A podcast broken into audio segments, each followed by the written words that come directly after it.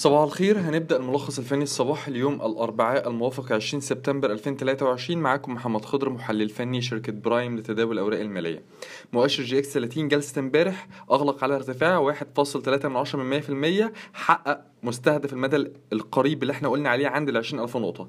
طيب إحنا شايفين إيه؟ شايفين إن من الأفضل للمتداول القريب المدى إن هو ما يفتحش مراكز شرائية جديدة لحين اختراق مستوى ال 20000 نقطة. ليه؟ لأن كسرة ال 20000 نقطة هتأهله لاستمرار الارتفاع لل 21000 فده هيدي آه، امتداد أكتر لموجة الصعود الأخيرة اللي ابتداها من ال 19100 طيب في حالة عدم كسره لل 20000 نقطة هو ممكن تاني يتراجع ويعيد تاني تجربة آه، 19600 19500 منطقة الدعم السنوية الحالية دي.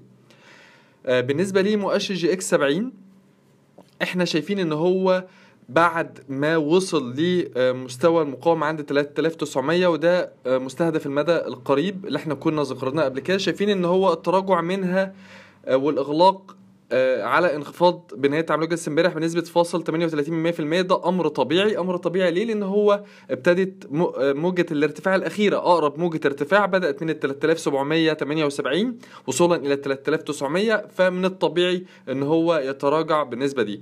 وشايفين التراجع ده ممكن يبقى حوالين ال 3870 3850 منطقة الدعم دي. والاتجاه قصير الأجل لا يزال صاعد طول ما هو بيتحرك فوق مستوى الدعم الأهم عند ال 3778 اللي في حالة كسره هيتغير الاتجاه إلى الهابط.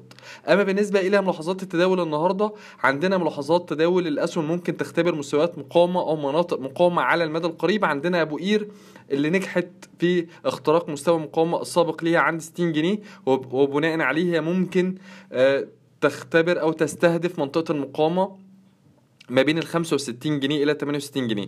رؤيتنا على المدى القريب إيجابية ورؤيتنا عليها إيجابية على المدى القريب الا إنها سلبية على المدى القصير. ليه سلبية على المدى القصير؟ اللي إحنا شايفين إن مخاطر الشراء هنا مخاطر شراء مرتفعة للمتداول قصير المدى.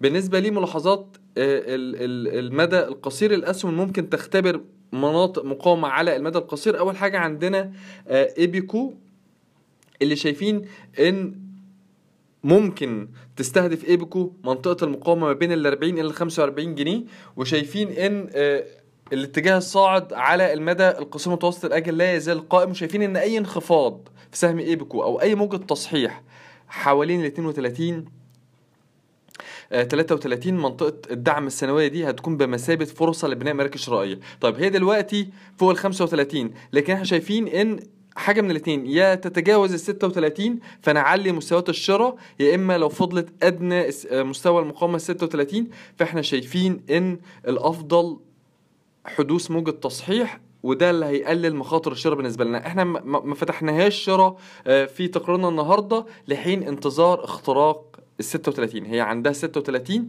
دي النقطة الفيصلية اللي هتأهلها أو هتأكد مستهدفنا اللي إحنا قلنا عليه ما بين ال 40 إلى ال 45 جنيه. يبقى ملخص إيبيكو رؤيتنا على المدى القصير. إيجابية متمثلة في إمكانية استهدافها لمنطقة المقاومة 40 إلى 45 إلا أن رؤيتنا قد تكون على المدى القريب سلبية لحين اختراق حاجز ال 36 جنيه أو حدوث موجة تصحيح لقد تدفعها لإعادة تجربة منطقة الدعم السنوية ما بين ال 32 إلى 33 جنيه. تاني حاجة عندنا في الأسهم ممكن تختبر مناطق مقاومة على المدى القصير هي العربية للأسمنت اللي بنميل إلى انتهاء موجة الانخفاض الأخيرة اللي بدأت من حوالين 8 جنيه 30 بنميل لانتهائها حوالين منطقة الدعم الحالية ما بين ال 57 إلى ال 7 جنيه 30 وإمكانية بدء منها موجة ارتفاع جديدة قد تدفعها لإعادة آه، تجربة ال 38 أو لاستهداف منطقة ال 38 إلى ال 8 جنيه 50 رؤيتنا عليها إيجابية على المدى القصير. أما بالنسبة للأسهم اللي ممكن تختبر مناطق دعم على المدى القريب أو اللي رؤيتنا ممكن تكون سلبية عليها على المدى القريب وعندنا سهم واحد هو ميبيكو. آه، شايفين إن آه، هو ممكن تاني بعد موجة الارتفاع ال- اللي حصلت امبارح شايفين ممكن تاني يعيد اختبار منطقة الدعم ما بين ال 310 إلى 300 جنيه وشايفين إن منطقة المقاومة ما بين ال 340 إلى 350 دي منطقة مقاومة قوية. يصعب اختراقها على المدى القريب. رؤيتنا عليها سلبية على المدى القريب متمثلة في إمكانية إعادة تجربة ال 310 إلى 300 جنيه. شكرا.